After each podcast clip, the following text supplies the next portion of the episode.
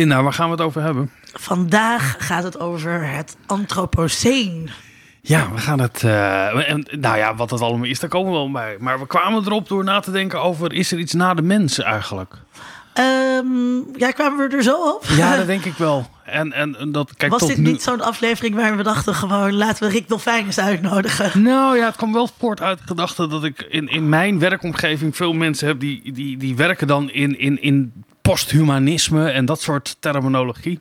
En ik dacht, dit is een goed moment om eh, Rick een keer uit te nodigen om daarover door te vragen wat ze daar nou eigenlijk allemaal mee bedoelen. Ja, je hoort eh, vaak over het Anthropoceen, maar ik denk dat voor heel veel mensen niet helemaal duidelijk is wat daar nou mee bedoeld wordt. Ja, en wat het te maken heeft met klimaatveranderingen. En eh, ja, Nou, vooral denk ik misschien ook als mensen dit horen, wat het met media te maken heeft. Precies. Nou ja, dat zijn allemaal vragen die wij eh, straks gaan stellen aan eh, Rick Dolfijn. Ik heb er wel zin in. Ik ook. Deze podcast wordt mede mogelijk gemaakt door Code Clear. Duidelijk over websites en design. Vanuit Amsterdam is dit Onder Media Doctoren, de podcast waarin communicatiewetenschappers zich verwonderen over de media. Dat ik niet het centrum van het universum ben, werd mij pijnlijk duidelijk tijdens de puberteit. Maar vandaag gaan we nog een stapje verder. We gaan het hebben over het einde van de mens als mater dingen. En dat doen wij met dokter Rick Dolfijn. Rick, je bent UHD bij het departement Media en Cultuurwetenschappen van de Universiteit Utrecht. Eh, De beste universiteit van Nederland. Dankjewel, Linda. En, en je bent ook, ik zag een heel mooi, eh, mooi woord, ereprofessor van de Universiteit van Hongkong. Ja, Dat is een prachtige uh, ereprofessor. Vind ik mooier dan de Engelse naam. vind ik ook. eigenlijk. Daarom Ja. hou ik hem erin. eh. Hey, je bracht onlangs een boek uit, The Philosophy of Matter. En naar verluid schrijf je daarin... Het wordt tijd dat we inzien dat de aarde niet van ons is... maar dat wij mensen in feite niets dan schimmel zijn op het aardoppervlak. Of beter, de meest destructieve levensvorm die de aarde ooit heeft gekend. Hatsa. Ja. Hoezo is de aarde niet van ons? ja. Nou, het heeft in ieder geval heel erg lang geduurd voordat we daar een beetje achter kwamen, denk ik. Eh, ja, ik denk dat eh, niet alleen in dit boek, maar eh, in veel wat ik de afgelopen jaren, decennia heb geschreven, is toch wel een soort eh, eh, ehm, ja, beweging zichtbaar waarin. En daarbij sluit ik me natuurlijk aan bij tal van eh, andere denkers, eh, waar we het later wellicht ook nog over gaan hebben. Beweging zeg maar dat we ons eh, grote vragen stellen, of dat ik mijzelf grote vragen stel, bij de, bij de rol die de mens speelt op aarde. En ook vooral ehm, eh, de noodzaak om daar op allerlei manieren vraagtekens bij te stellen. Zoals gezegd, dat doe ik niet in mijn eentje. Er zijn gewoon heel veel mensen die daarmee bezig zijn. Hè. De posthumanisme is zo'n stroming die daarbij... eh, ga ik je straks alles over vragen. Wat daar allemaal onder valt. Maar Ja. als het, want ik hoor je zeggen dat eh, wij als mens niet goed met de aarde omgaan. Uh, maar is dat hetzelfde als dat de aarde niet van ons is? Tenminste, ik heb ook spullen waar ik heel slecht mee omga. ja. Maar daar ben ik toch echt de eigenaar van. Ja. Ja, nou, ik ben blij dat jij eh, daar op een bepaalde manier verantwoordelijk voor voelt. Dit is, een- het is, het is een, een stokpaardje van Vincent dat hij vindt dat de mens eh, eh, bovenaan staat. Ja, in- daarom hebben we Rick uitgenodigd om daar eens een uur lang over in de, te... in de voedselketen. Waar vind jij dan eigenlijk, Vincent, dat de aarde wel van ons is? Ik denk dat, eh, ik denk dat de vraag irrelevant is. Dat als de mens er niet is, eh, dat we helemaal niet over een aarde kunnen denken. En dat al die concepten inderdaad eh, eh, bestaan omdat wij mensen bestaan.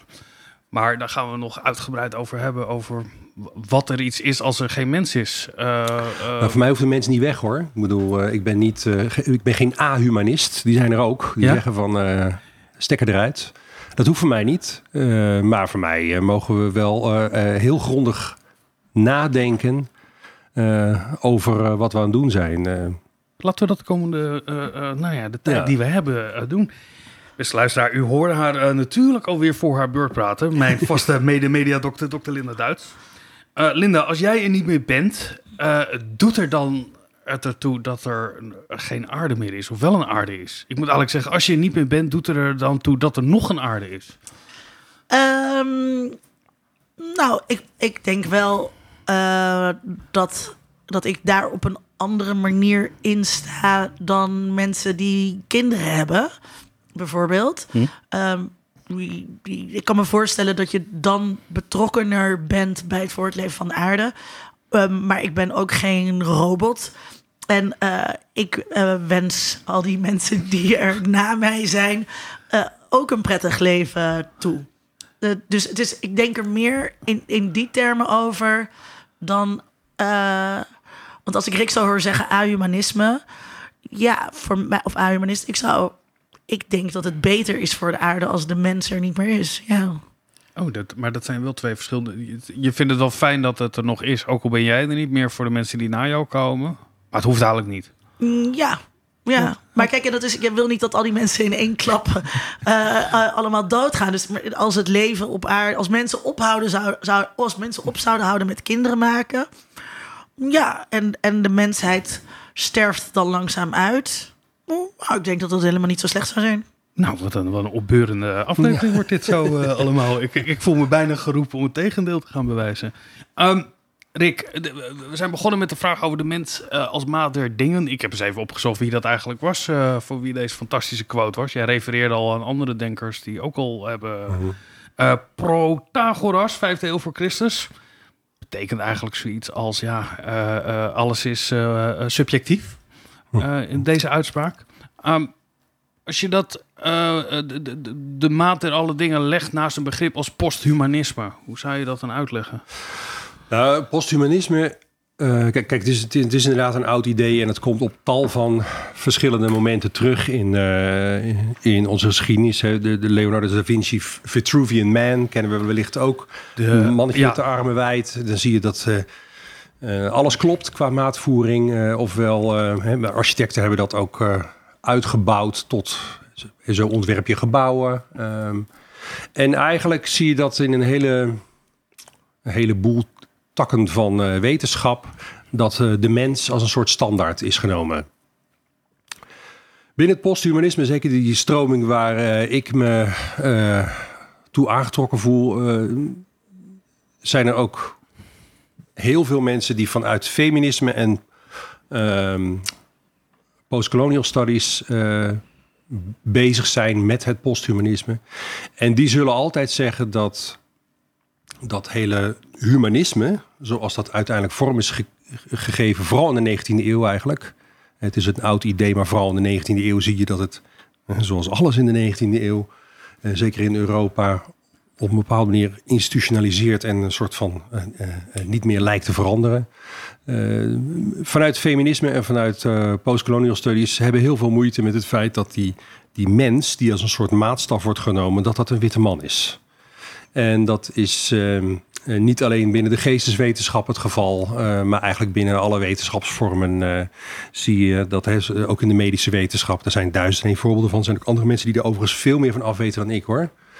Eh, maar eh, zoals gezegd, ik voel me daar wel toe aangetrokken, omdat ik dat eh, uiteraard herken. En iedereen die eh, ehm, daarover leest of dingen meemaakt, die, die ziet wel dat daar toch altijd weer zo'nzelfde soort mensbeeld aan eh moet ik- grondslag ligt. Moet ik posthumanisme dan begrijpen als een stroming wat na... Dat het meer gaat over het, denken van het humanisme en dat het een, de post daarin is? Of is het een post in de zin van na een eh, antropocentrisch wereldbeeld?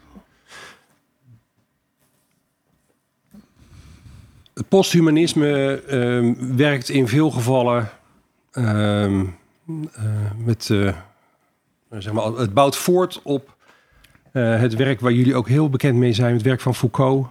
Eh, vanaf eh, 1966, hè, de mens is een, is een constructie, een schrijfseltje in het zand waar we zo snel mogelijk vanaf moeten. Nou, in principe denk ik dat heel veel mensen die vanuit eh, feminisme en vanuit eh, postcolonial studies eh, op, daar op een bepaalde manier eh, op voortborduren. Alleen vandaag de dag, eh, en dat komt gewoon omdat de geschiedenis ons inhaalt, hebben we gewoon gemerkt dat eh, het belangrijk is dat er inderdaad eh, eh, niet alleen witte middelbare mannen een stem krijgen, maar dus ook andere mensen, maar ook andere vormen van leven, ofwel natuur, ofwel eigenlijk de hele wereld om je heen. Eh, waarom moeten we daar niet eens een keer een, een stem aan proberen te geven? Moeten we niet eens beter begrijpen hoe dat werkt?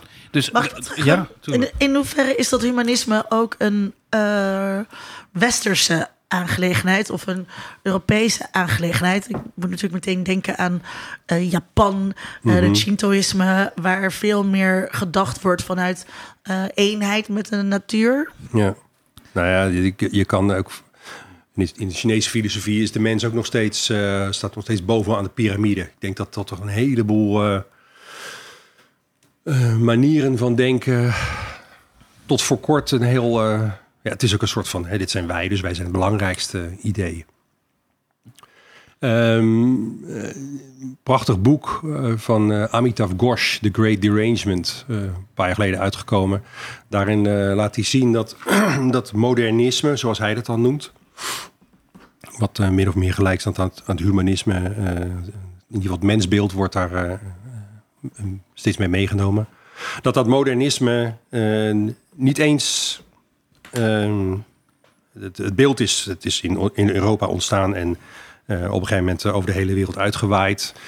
Maar hij zegt van eh, ook in bepaalde culturen in India, ook in China, ook in eh, eh, wat destijds Indochina was, eh, zie je eigenlijk dat soortzelfde processen van modernisering. ook van een olie-economie kan je ook verschillende plekken in, in eh, ik weet niet waar die nou ook weer, het- het- iets, iets van Laos of zo, had je daar ook al. eh, ehm, dat soort v- v- vooruitstrevende ideeën over hoe technologie ook moet werken. Dus ik denk niet dat het helemaal. eh, het zou ook te makkelijk zijn, toch? Als je alleen maar kan zeggen: van oké, het is in het Westen gebeurd en, en toen deed de rest het na. Je ziet dat eh, toch ja, een, een, een, een terugkerend en een, een langzamerhand steeds dominanter idee is geworden. En ehm, het idee is eh, misschien in de aard ook nog niet eens zo kwalijk. Ik bedoel, ik snap ook wel dat als je eh, in een vijandige wereld woont, dat je eerst eventjes goed voor jezelf wil zorgen. Alleen we wonen ondertussen met eh, bijna 8 miljard mensen hier. En de wereld is een heel stuk minder vijandig geworden. In ieder geval tot voor kort. Dus ja, het is gewoon tijd om dat te herzien. Maar voor, voor, voor mij, eh, we hebben het, eh, het, het modernisme, of de moderniteit, die eh, f- een beweging, of tenminste volgt op wat al verwezen wordt aan de, de duistere middeleeuwen. Ja. Eh, de verlichting, we komen in het moderniteit of het humanisme, dat stel je gelijk hierin. Eh, en het De Amitav Ghosh doet dat, Ja. maar kunnen we best En in het posthumanisme moeten we eigenlijk begrijpen als een kritiek op die waarden, op het denken die voortkomt uit het modernisme of het humanisme. Is- is- Ja, zijn maar... we dan op, op weg om het te begrijpen? Wel. ehm, ja, maar eh, kritiek is een moeilijk woord eh, tegenwoordig. En al helemaal binnen poststromingen. Ik denk ook gelijk aan eh, het postmodernisme. De- Jean-François Lyotard die kwam ermee en die had het nog niet uitgesproken. Of die voegde daar gelijk aan toe van... nou, ik heb het helemaal niet bedoeld als een soort van nabeweging. Eigenlijk wilde eh, Lyotard met het postmodernisme zeggen van... we moeten het modernisme herschrijven. Ehm, en eh, ik denk in dat opzicht, althans mijn, en dus nogmaals, ik ben geen ahumanist.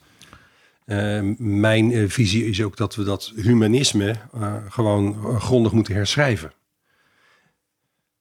En wat is dat En- humanisme dan? wat, wat, wat, je, je, je, geeft een aantal keer aan van, goh, daar zit een, je geeft een verwijzing naar de, witte man bijvoorbeeld, die als Hmm. standaard wordt gebruikt. Ik hoorde Ja. laatst dat crash test dummies ook allemaal gebaseerd zijn op Ja, mannen zoals wij. Ja, en, ja, en, ja. en ja, de rest die, dat die dan vaker doodgaan, dat is een vervelende bijkomstigheid. Ja. Ehm, dat snap ik, maar hoe gaat dat verder eh, in het nadenken over het posthumanisme? Want het gaat niet alleen over die standaard van de witte man. Nee. Ehm, nou, in, in het boek wat ik eh, eh, recent heb uitgegeven dan... ehm, ik ben achtergronds filosofie, dus, eh, en het, het boek heet The Philosophy of Matter, dus daar moet ik ook wel een klein beetje eer aan doen. Ik kan niet alleen maar over feminisme en, eh, en eh, postkolonialisme praten. Ik, ik spreek over de filosofie waar, waar ik wat van af weet. En dat is, zoals ik in Nederland... het heb geleerd, vooral van belang, de manier waarop Descartes in de 17e eeuw een, een modernisme ehm, zeg maar, de wereld in helpt. eh, met het idee dat eh, alles is geboren vanuit de geest van de mens. En iedere vorm van denken is eh, een consequentie van, van het ik denk. En tegelijkertijd, nog geen 30 jaar later, zie je Spinoza opstaan. In fact, hier om de hoek. En die geeft een heel erg een, een heel andere. En Descartes zat in Utrecht, toch? Descartes liep ook hier rond in Amsterdam. Ja. En, en die wilde, maar die wilde een baan in Utrecht. Heeft hij nooit gekregen. Maar jij heeft er wel tijd gezeten, ik begrepen, Klaas. Ja, dat, Hij heeft een tijd in Utrecht gezeten. ja, nou, moet je ja, ook wel, als je daar een baan wil krijgen, moet je ook wel heel Is goed lastig. zijn. Hè? Ja, dat, ja. Het is niet voor niks de beste Nee, universiteit in Nederland. ja, Maar nou, ga door. Hij Je- kreeg overigens de baan niet, omdat de, de macht in Utrecht, zoals misschien nog steeds overigens, eh, in de hand was van de theologen, eh, mensen als Voetius. Ja, En Voetius die zeiden van, eh, ja, die Descartes is te antropocentrisch. Eh, omdat Descartes het bestaan van God eh, niet meenam in zijn idee over het denken. Dus hij, als Descartes sprak over het cogito, dan had hij God helemaal niet nodig. En dat vond Voetius natuurlijk eh, niet de bedoeling. Dus hij heeft altijd gezegd van Descartes die moeten we hier niet aanstellen. Zie je dan nu ook dat. ehm, eh, of tenminste, zie je dan ook. In de, in de Bijbel gaat het natuurlijk heel erg over het koninkrijk Gods. Er zijn ook veel. Ik moet meteen denken aan alle natuurdocumentaires of de EO. Er, zijn natuurlijk ook heel veel christenen heel erg begaan met die schepping van God. Ja. En eh, de- dus zie je dat. ehm, zie je dan in die vroege kerk, eh, die dan niet humanistisch was, nu ook dat nog terug? Is het, zijn, dat, zijn dat aanhangers van het posthumanisme? Vind je die als is- ally? nou, dat zou ik niet willen zeggen. Ik vind het wel eh, interessant dat. ehm, ik heb wel vaker eh, een, eh, lezingen gehouden in Korea. om een of andere reden. Dat is nu ook. ook dit boek, het tweede boek, wordt straks in het Koreaans vertaald. Hartstikke leuk. Gefeliciteerd. Eh, ja, leuk hè? wel de Eh. Remco Breuker uh, ooit gast, die vertelde dat Korea en Nederland ook wel heel erg veel op elkaar lijken. Dus eh, Ja. dat zou een verklaring kunnen zijn. Misschien is dat het, ik weet niet. Maar ehm, in- waar het in ieder geval niet eh, om- op Nederland lijkt, was dat ik daar ook eh, vaker heb gesproken bij eh, eh, neo-Confucianisten. En die zijn eigenlijk ongelooflijk conservatief. Een heleboel ideeën eh, ben ik het eh, helemaal niet mee eens. Maar aan de andere kant hebben zij wel eenzelfde soort eh, vraagteken bij het modernisme, en bij de moderne techniek en bij de manier waarop in die moderne techniek eh, zeg maar, impliciet wordt omgegaan met de natuur en dat soort dingen. Ja. Dus, eh, dus ja, het is natuurlijk nooit allemaal heel duidelijk eh, in opposities te denken, maar dit was wel een interessante. Ik, ik denk dat ik in Europa niet heel veel eh, vrienden vind onder eh, posthumanisten, onder, oh sorry, onder eh, christenen. Ja, ook omdat dat humanisme daar inmiddels ook eh, ver doorgedrongen is. Ja, dat denk ik wel, ja. Zie je eigenlijk een parallel in, in de beweging die je eerder beschreef met Descartes en de, van het afstappen van een theocentrisch wereldbeeld naar een meer eh, antropocentrisch wereldbeeld? En de kritiek die er toen was en, en het uitsluiten van nieuwe denkers daarin. Is dat vergelijkbaar met wat er, waar jij in begeeft, in, in de debatten? Ik snap dat je niet in een kerker wordt gegooid als, Hmm. eh, eh, als ketter. Maar het verzet daartegen, dus zo de enorme vanzelfsprekendheid dat we uitgaan dat we in een schepping gods leven, kan ik me voorstellen, naar een beeld van goh, de wereld is ook door de mens geschapen of Ja. buiten de god. En dat het posthumanisme eigenlijk ook weer een denken opent die voorbij de mens gaat.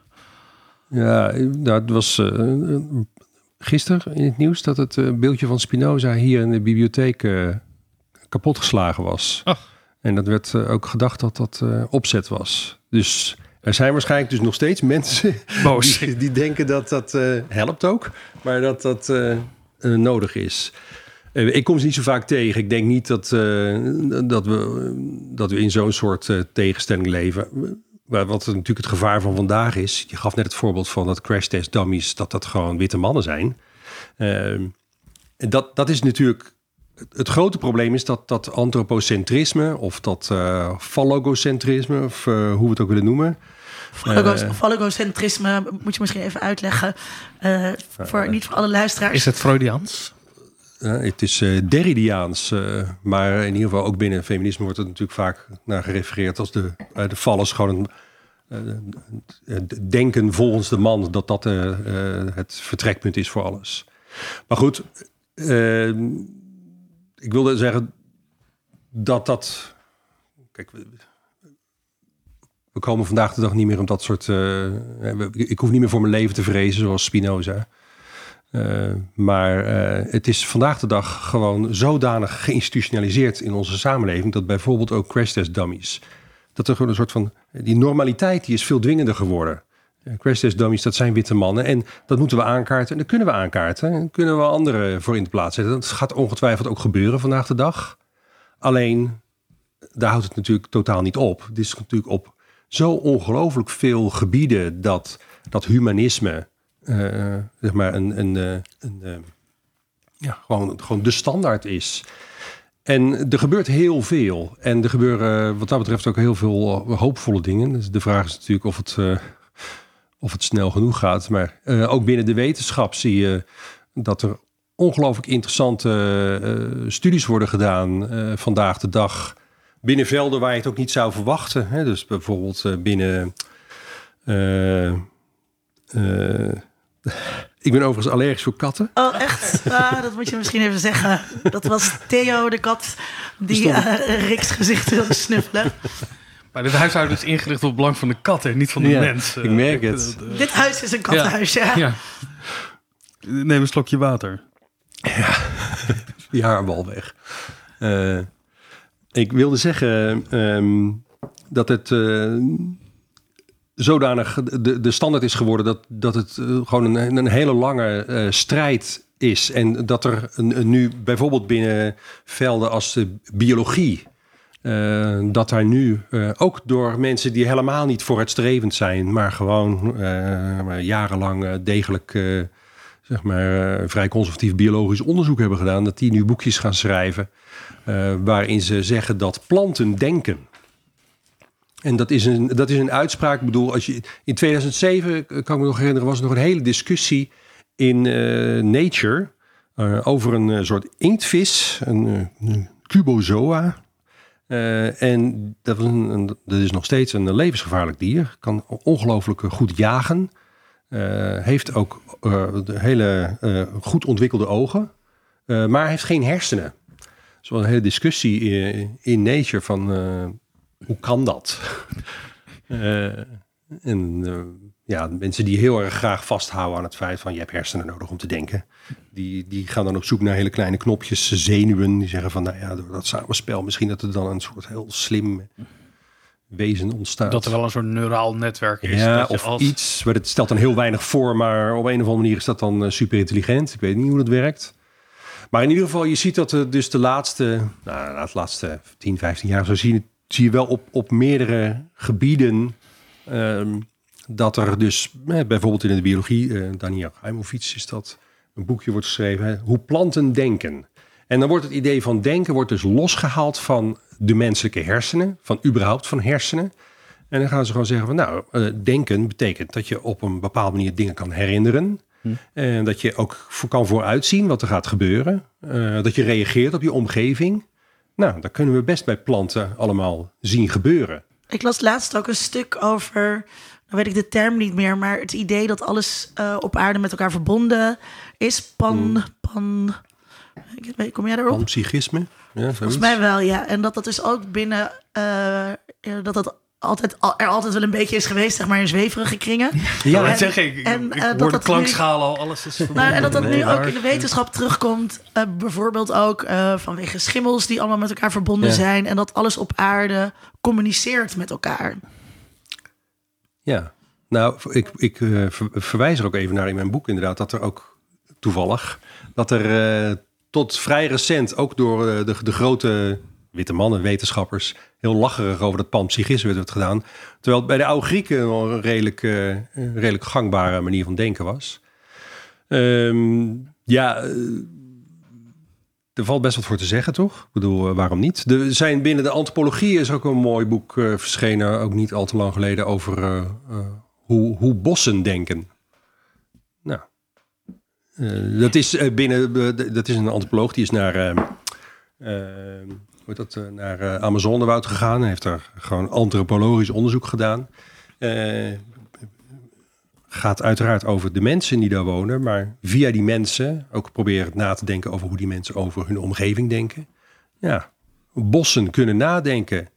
Ligt er maar net aan op welke manier je het woord als denken definieert natuurlijk. En als je zegt van een bos reageert, een bos kan zich iets herinneren, een bos kan vooruitzien. Nou, het valt best wat voor te zeggen. Wa- Wat ik niet helemaal eh, begrijp, is als je aan de ene kant wijst op, op allemaal intelligente systemen die zich voordoen in de natuur. Hè? Dus eh, of het nou over inktvissen gaat of over eh, dit soort schimmelsystemen. Ehm, wat, door de constatering daarvan, hoe verhoudt dat zich dan tot het idee dat, we, dat het antropoceen op zijn einde loopt? De tijd dat wij als mens de wereld te domineren of de, de, Ja. de, werkelijkheid beschouwen door de blik van, het, van nou ja, een beperkt idee van de mens. Nou, ik weet niet of het antropoceen ten einde loopt. Ik denk dat we daar heel veel voor nodig hebben om dat voor elkaar te krijgen. Dat het eens een keertje ten einde loopt. Eh, ik denk dat, eh, dat het wel nodig is dat dit soort bewegingen er zijn. Daarom schrijven we ook een boekje over. eh, om ook, en gelukkig ben ik daar niet alleen in, zoals gezegd. Om, om onze blik te verbreden en om te zien dat we ook op een andere manier met, om, met de planeet om moeten gaan. Dat is ook wel een dingetje. Ehm, om een voorbeeld te geven nog van eh, de bossen die nadenken. Er zijn in eh, meerdere Latijns-Amerikaanse landen nu bewegingen. Dat is ook eh, in verschillende landen al gelukt. Dat een bos gezien wordt als een juridische ehm, persoon. Hoe Hm. kunnen we het noemen? Entiteit. Entiteit. Zoals bedrijf in de Verenigde Staten. Ja, nou ja, Ja. hier ook natuurlijk. Dat, eh, kijk, bij, volgens eh, ons eh, eh, rechtssysteem is een mens, zeg maar, eh, kan een rechtszaak aanspannen en kan bestraft worden. En, en bedrijven. En voor de rest niks. Ja, Nee, dat is op zich best eh, wonderlijk, want er zijn echt nog wel meer dingen te vinden om ons heen. Eh, die ja dat in- standpunt hebben we heb ik wel eens eerder gehoord. Ook, eh, zouden, maar dan gebeurt het toch altijd... Ook bedrijven die een aanklacht indienen, gaat het door de mens. De mens is Ja. het instrument om dat te doen. En ik snap Ja. ook heel goed dat een Partij voor de Dieren zegt... weet je wel, zijn niet Partij van de Dieren... er komen niet drie kippen in de Tweede Kamer... maar de mens neemt de verantwoordelijkheid voor de dieren. Ja. Dus daar zit een, een hiërarchie in. Nou, ik weet niet of het een hiërarchie is. Het lijkt me inderdaad, kijk, dat, ik snap ook dat eh, in de rechtbank, eh, dat eh, bijvoorbeeld in, eh, in die eh, Latijns-Amerikaanse landen, dat, dat, eh, een, dat die bossen vertegenwoordigd worden. Maar in principe is dat natuurlijk altijd zo in de rechtbank. Ik bedoel, ik, Ja. ik zal ook een, een, jurist in handen moeten nemen op het moment dat mij eh, eh, iets wordt verweten, omdat eh, eh, die persoon eh, beter weet hoe die de wet eh, eh, Ja, oké, maar er is altijd een, een, een beklaagde of iemand die aanklaagt en die zoekt een, die, die maakt de keuze voor de advocaat. Een, een, Ja. een natuurbos of eh, eh, de, eh, de, de bio-industrie, de, de kippen in de bio-industrie, die wijzen niet zelf een advocaat aan. Hè? Als Nee. de toegevoegde stem letterlijk, die zich laat vertegenwoordigen door. Dus er zit altijd dat menselijke component in. Dus wat ik tracht te begrijpen is hoe naar. Want aan de andere kant zeg je, goh, we hebben allemaal intelligente systemen die ook buiten de mens liggen. En het, de norm van de mens, als dat een, een, een witte man is, is zeer beperkend. Kan ik me heel goed in vinden. Maar aan de andere kant zeg je, ja, de mens is heel erg machtig in eh, deze planeet te vernietigen, bijvoorbeeld. Ja. Eh, we zijn heel dominant daarin. Maar als je aan de ene kant die dominantie hebt, dan heb je toch ook de verantwoordelijkheid. En dan blijven we in de cirkel zitten dat de mens de maat der dingen is. Maar als je zegt de mens is de maat der dingen, dan denk je altijd vanuit het belang van de mens. Ja, Dat betekent om te zeggen de mens is de maat der dingen. Ja. Op het moment dat je gaat denken eh, dat een bos ook een belang kan hebben. ja, En dat je naar dat belang kan kijken, dan neem je dus niet meer de mens als maat der dingen. Maar is dat niet een hele beperkte definitie van waar je belang bij kan hebben? ik denk heb dat belang we- bij heel veel. Tenminste, ik, ik ben voor een heleboel dingen waar ik geen persoonlijk belang bij heb. Nou, maar we hebben het natuurlijk in eh, de aflevering, of in de laatste aflevering met Maarten eh, Racing ook gehad over, over dieren. En daarbij is wel een belangrijk, eh, belangrijke maat die we nemen, zeg maar, als we dingen over dieren bedenken, is. Eh, hebben, kunnen dieren denken? Hebben dieren emoties? En op het moment dat je dat gaat denken, dan kan je dus ook bedenken dat een rechter in een scheidingszaak nadenkt over het belang van de hond. Is het in het belang van de hond om bij eh, partner 1 of partner 2 Ja. te gaan wonen? En daarvoor is wel een omwenteling in het denken nodig geweest voordat we op die manier aan dierenrechten gingen denken. Ja, en waar ik dan het belang, het, de wil om het belang van de hond te benoemen en daar als mens je om te bekommeren, wordt een, is een intrinsiek belang van de mens. Ja, maar dan neem je dus niet meer de mens als maat der dingen. Als de maat van de mens ook is de, de, de omgang met de natuur en de dingen, dus dat wordt een menselijke maat. Eh, omdat wij er belang bij hebben, bijvoorbeeld omdat we anders uitsterven of omdat er, eh, we niet meer het gezelschap van een hond hebben die we graag bij ons hebben, dan is dat, ik, ik zou dat nog steeds beschouwen als een menselijke maat. En onder dat het, het belang van die hond eh, ondergeschikt is gemaakt aan het belang van het baasje of de mens die het belang van de hond opneemt. Maar dat doe je dus niet als je gaat kijken naar... is het in het belang van de hond om bij persoon X of persoon Y te wonen? Ja, als het tegen. Ja, maar dan. Het, het, het, het- wat ik het lastige vind, en dat is het ethisch vraagstuk, is als ik een. Eh, stel, ik stel een, een, een belangrijk deel van mijn bezittingen af ten goede van een, een niet-menselijke conditie, waar ik zelf niks aan heb. Ik stort de helft van mijn eh, geld stort ik voor een natuurfonds. Dan zou je kunnen redeneren, dat is niet in mijn belang, maar het is een belang van de natuur. Terwijl ik denk dat het geven van dat geld of daar zorg voor dragen wel degelijk ook mijn belang is. Eh, het belang van mij als mens dat bekommert om dat soort dingen. Laten we het de filosoof Ja. vragen. Nou, eh, ja. Ja, het is, een, het is een beetje een drogredenering waar we nu in gevangen zitten. Ik denk dat eh, uiteraard... Kijk, ik heb gezegd, ik ben geen ahumanist. Dus ik ben niet, ik ben niet tegen mensen. Eh, ik wil alleen dat de mens eh, beter gaat nadenken eh, over de wereld om ons heen. En dat kan je ook heel goed uitleggen vanuit een soort eigen belang, als jij dat graag wil. Omdat op het moment dat we dat niet doen, en dat merken we nu toch gewoon, ik bedoel, als we dat niet doen, Ja. dan gaan we toch dood. Ja, en daar gaat de aarde ook geen traan om laten. Ik bedoel, die vindt ook wel weer een andere manier om door te gaan. maar slecht een schimmel op het aardappelvlak. Daarom, ja. Dat gaat dan wel weer gewoon door.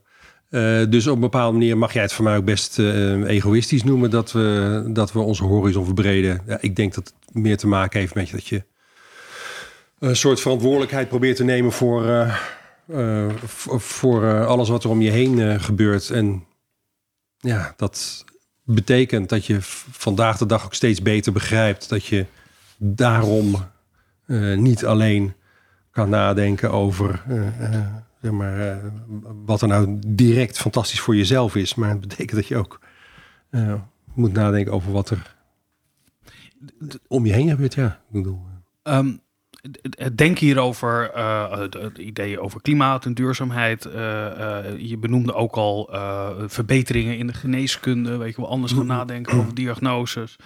Ehm, ik snap allemaal die wetenschapsvelden dat ze zich daarmee bezighouden. Maar waarom zouden wij als geesteswetenschappers ons met deze Mag vraag ik eerst even, nog even, Ja. want, ehm, eh, eh, want het woord is al gevallen, maar nog niet toegelicht. Eh, het antropoceen. Kan je eerst uitleggen wat, dat, wat dat is? En waar die term vandaan komt? De term bestaat al best wel lang, maar ehm, hij wordt de laatste eh, 10, 15 jaar vooral gebruikt om aan te geven dat eh, de mens de dominante geologische factor is op aarde. En dat betekent dat eh, daar waar voorheen, bijvoorbeeld in ijstijden, dat je allerlei andere krachten had die ervoor zorgden dat dingen aan het veranderen waren, eh, is dat de laatste nou, 200 jaar de dus, mens. Dus uh, daarvoor waren het de tektonische platen die, ervoor, die voor veranderingen zorgden. Ja, of een enorme meteorieteninslag of nou, noem maar op. vulkaanvorming. Dus de, belang, de, de, de belangrijkste geologische veranderingen worden veroorzaakt door de mens. Dus dat, en dat is gewoon, ja, uiteraard, het is een wetenschapsgebied, dus, dus er wordt ook nog heel veel over gediscussieerd. Kunnen we dat wel zo stellen? Uiteraard hebben mieren ook een ongelooflijke invloed op de aarde. Uh, maar er is toch wel, ook zeker binnen de geesteswetenschappen, behoorlijke consensus dat uh, mensen in ieder geval veel te veel uh, gewicht in de schaal legt als het gaat om veranderingen. Ja, ten kwade. Juist. Ja, niet dat we 200 jaar, want zo zou je ook kunnen redeneren, toch? Dat we het beter maken. Ja, de, de, kijk eens wat we in de eerste twee eeuwen allemaal niet wel bereikt hebben. Of is het alleen maar antropoceen in de zin van een, een, een vulkaanuitbarstingen, tektonische platen die verschuiven? Is het alleen maar vernietiging? Nou, ik weet ook niet eens of het nou echt, echt zozeer slecht is. Ik bedoel, nogmaals, ook hier, de aarde zal er geen traan om laten dat het vijf graden warmer wordt. Uh, het is vooral voor onszelf een groot probleem. Ja. Uh, bepaalde diersoorten uh, is het ook een probleem. Voor anderen is het weer een prachtige mogelijkheid. Dus het is, het is vooral uiteindelijk dat we onszelf in de voet schieten. Ja, dat las ik ergens aan rechtse kringen. Stikstof, daar gaan dingen juist alleen maar heel erg goed van groeien. Ja. Dus dat moeten we helemaal niet tegen willen houden.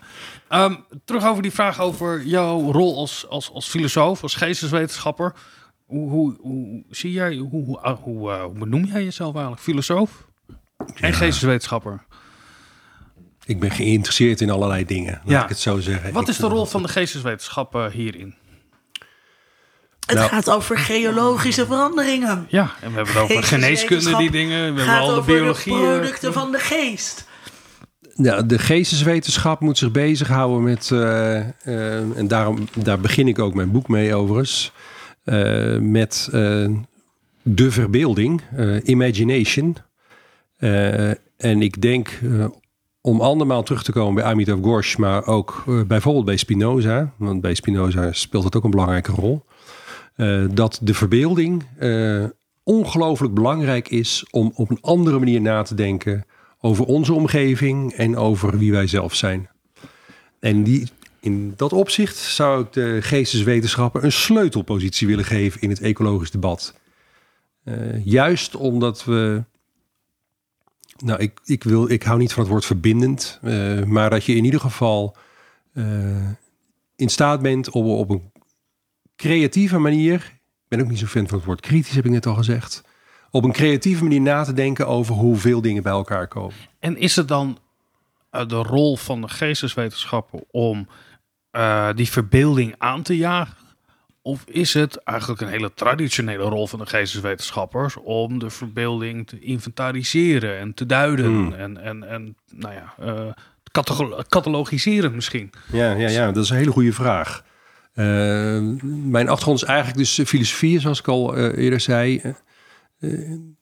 Als je kijkt naar de staat van de filosofie aan de Nederlandse universiteiten, dan zie je dat dit idee van categoriseren ook echt wel voorrang heeft gekregen, zeker de laatste 50 jaar. Hoeveel filosofen werken er aan de universiteit? Dat is best wel een goede vraag om te stellen. Uh, misschien dat dat altijd al zo is geweest hoor. Ik bedoel, Spinoza, om nog even een voorbeeld te noemen, die, die kreeg wel een hoogleraarspositie in Heidelsberg aangeboden. Maar die zei van, no way dat ik me daar aan ga branden. Veel te link. en, Want? Het, nou, het, hij had niet het idee, hij was overigens vrij, vrij, vrij goed, goed besluit van hem. Want een paar, paar, paar decennia later volgens mij is toen die hele universiteit leeggehaald. Ik weet niet, er was in ieder geval enorme rellen braken eruit. Maar hij bleef weg uit de academische wereld. Hij bleef weg uit de academische wereld. Hij heeft één, één keer één rijke luiszoontje onderwezen. Maar daar had hij ook hele slechte ervaringen mee. vermoeiend, vermoeiend vond hij het vooral. En Leibniz is een keertje bij een bezoek geweest. En dat vond hij ook helemaal niet leuk. Maar um, nou, zeker in die tijd was het ook uh, levensgevaarlijk om uh, je tussen uh, de theologen waar ik net al melding van maakte, om, om daar iets te gaan vertellen. Zoals God is gelijk aan natuur. Nou, dan, dat, dat stond niet in de Bijbel, dus dat was niet verstandig om dat te zeggen. Ehm, de situatie is uiteraard tegenwoordig anders. Maar wat ik eigenlijk wilde zeggen is dat, om terug, terug te komen op het onderscheid wat jij maakte en wat ik, wat ik erg belangrijk vind, is dat er inderdaad op de universiteit vandaag de dag, naar mijn idee, te veel dingen in kaart worden gebracht. Of althans, te veel. Te veel de nadruk wordt gelegd op het in kaart brengen van dingen. En dat bijvoorbeeld filosofen, maar ook gewoon mensen die op een creatieve wijze proberen na te denken over, uh, uh, over media. Uh, over film, dat die minder makkelijk binnen de muren van de universiteit, zeg maar, een, een, een, plek Ja, want jou, jouw boek, wat je net hebt uitgebracht, heeft een ondertitel, A Meditation. Ja. Ehm, hoe, wat, wat, hoe, wat is een meditation? Jij weet wat een meditatie is. Nou, het is eigenlijk in, gewoon een heel ouderwets filosofisch idee, ja. dat je over dingen na wil denken. En hoe moeten we dat plaatsen wat jij hebt uh, geschreven? Is dat, want we, we maakten twee categorieën. Uh, zal zij doen, het categoriseren of, of het in kaart brengen van, uh, van wat er gebeurt in de filosofie of in het denken of in de verbeelding, moeten we misschien wel zeggen. En zelf een bijdrage leveren aan die verbeelding. Ja. Hoe zie jij je eigen werk daarin? Nou, uiteraard hang ik er tussenin en wil ik ook, in het boek ben ik ook in kaart aanbrengen hoe uh, nieuw materialisme en posthumanisme en al dat soort stromingen, die toch behoorlijk met elkaar verweven zijn, hoe die hun opmars aan het maken zijn. En dat vind ik ook belangrijk dat dat gebeurt. Dus ik ben niet tegen in kaart brengen. Alleen, ik vind juist de, de creatieve kant van de geesteswetenschappen van ongelooflijk belang. Niet omdat ik het belangrijk vind dat mensen creatief moeten zijn, maar juist omdat dat de nadruk legt op die, op die verbeelding, op, dat, uh, op die imagination. En dat is precies wat we nodig hebben vandaag.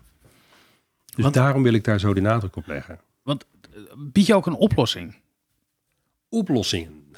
Nee, ik, ik, ik, ik, las over je boek. Ik heb je boekje, boek moet ik zeggen. Uh, uh, nog niet gelezen, maar ik, ik, las wel en zo in, in, in, in de mooie promotieteksten dat je het hebt over de tijdloze mens. Um, en die zet je af tegen, uh, wat, ik moet het even erbij pakken hoor. De tijdloze mensen, die zet je af tegen, uh, die noem je de geometer, geometer, oh, ja, ja. versus de econoom. En je had een prachtige omschrijving van de econoom. Dat zijn de mensen nu. Dat zijn sociale wetenschappers met pleinvrees. wat is die tegenstelling en hoe is dat een oplossing hoe we verder komen? Nou, oei, uh, hoe, hoe, kom ik daar terecht? Eerst even die eh, tegenstelling. Je, je, je beschrijft in je boek een, een, tegenstelling tussen een soort tijdloosheid en aan de andere kant de economische uh, handelende mens. Nou, het, het, punt is, kijk, ik wil even, even terug naar het die, die, idee van de verbeelding. Dat vind ik heel erg belangrijk. Ja. Uh, nogmaals, het in kaart brengen is ook belangrijk. Maar daarnaast denk ik dat de geesteswetenschappen vooral belangrijk zijn, eh, omdat ze een debat, zoals over ecologie, dat ze daarin een andere richting in kunnen slaan. Dus dat is volgens mij van het grootste belang. Um, dat betekent dat je een bepaalde verantwoordelijkheid neemt, dat je een bepaalde, nou ja, ja, verantwoordelijkheid wil nemen, ook als schrijver. Ik bedoel, het is niet in kaart brengen klinkt alsof je er enigszins afstand van kon nemen. Dat wil ik helemaal niet. Ik wil ook zeggen van het is, het is ook mijn verhaal wat ik aan het schrijven ben. Om dat te doen, eh, het grote gevaar is dat je natuurlijk gewoon de hele wereld gaat zitten verklaren. En, en dat je ook dingen, over dingen gaat schrijven waar je eigenlijk heel ver van afstaat. Uh, ik wil daarom ook vaak dicht bij mezelf houden. Daarom zeg ik ook, en daarom begin ik ook met Descartes en Spinoza. Want ik kan hetzelfde verhaal waarschijnlijk houden over uh, Indiase filosofie, uh, over uh, Chinese filosofie, maar daar weet ik gewoon te weinig van af. Dus ik heb gezegd, daarom begin ik met die twee figuren. Daarna wil ik graag Donna Haraway in, in, in acht nemend. Hè. Donna Haraway eh, noemt het de God trick. Dat betekent dat een heleboel wetenschappers een soort van eh, transcendentaal perspectief nemen... waarin ze alles en nog wat eh, uit kunnen leggen. Eigenlijk volgens hun eigen waarneming. De wetenschapper zit op een wolkje Ja. en kijkt van een afstandje naar de wereld. Ja, inderdaad. Ja, en dat wil, Zonder dat, daar onderdeel van te zijn of door gevormd te zijn. Ja. Juist, en dat wil je, wil je op een bepaalde manier voorkomen. Eh, ik heb ook veel geleerd van uh, Rosie Braidotti, waar ik veel mee samen eh, werk. Eh, heb ook al eh, drie boeken samen gemaakt. Eh, en die zegt ook altijd van... eh, uiteindelijk, zij, zij gebruikt een begrip van de Leuzing Guattari, conceptual personae. Dus eh, om, om goed te kunnen schrijven, moet ik altijd mijn conceptual personae in acht nemen. En dat is de feminist. Dus waar ze ook over schrijft, ik heb nu over Rosie Braidotti. Hm. eh, uit, eh, dat kan ook over de, het wel en wee van de aarde zijn. Dat kan ook over, eh, over weet ik wat voor oorlog zijn. Uiteindelijk is het vanuit de feminist dat ze daar iets over wil kunnen zeggen. Ik wil dat ook. Ik heb... Vanuit je eigen bio, academische biografie. Is dat een, een, een- een term waar... Hoe... Ik wil, ik wil, ik wil, ik wil ook zo'n conceptual personae eh, innemen, omdat ik dat belangrijk vind als schrijver. Ik vind het belangrijk dat je als schrijver dus niet op een wolkje gaat zitten, maar probeert te zien hoe je die eh, eh, verbeelding vorm kan geven volgens hoe ik in de wereld sta en wat, wat, wat ik kan zeggen. En daarom neem ik de positie van de, de geometer, de aardmeter, hoe willen we het noemen. Eh, heel erg verbonden met eh, twee eh, filosofen waar ik ongelooflijk veel aan heb gehad. Eh, nou, Gilles Deleuze is een filosoof waar ik veel mee heb. Die heeft veel geschreven over geofilosofie. Nou, dat, daar komt het ongelooflijk dichtbij in de buurt. Eh, geofilosofie betekent dus niet zozeer denken vanuit eh, je eigen, vanuit het menselijk hoofd, maar vanuit de wijze waarop je geaard bent, zeg maar. En de ander is, eh, En geaard betekent hier iets anders dan de aarde als, als de planeet. dat En- betekent en- geaard. Ik, ik gebruik het nu voor de eerste keer, maar ik vond het een leuk woord omdat het zo'n mooie eh, band met de aarde Ja. eigenlijk. eh, Maar dan gaat het over wat jouw aard is. Als je zegt geaard, en niet hoe je geaard. Is dat hoe je geworteld Ja, bent? precies. Of, of, of Ja, nou, ik vind het eigenlijk allemaal, allemaal goed. dit vind ik echt Maar- een prachtig antwoord van een filosoof. Ja. Maar even, hoe beschouw jij Nou, maar, het? maar vooral ook als een soort, als een soort van eh, eh, werkwoord bijna. Ja? Hoe dan? Maar Maar, ik- leg het eens uit, want ik snap hem nog niet. Is het geaard in, in dat conceptual persona, dat, dat Ja. zit daar dichtbij. Conceptual persona is dus een begrip van, van, van Deleuze, Deleuze en Guattari.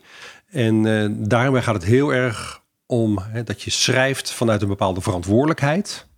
En dat je die verantwoordelijkheid op allerlei vlakken eh, in jouw schrijven eh, zeg maar, moet dragen. Dus het gaat ook om de stijl van schrijven.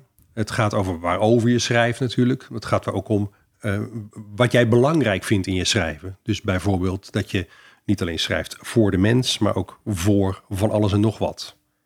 Dus dat bedoelde ik alleen maar met het woordje geaardheid. Oké. En, en hoe verhoudt dat zich tot conceptual persona van, eh van Rosie?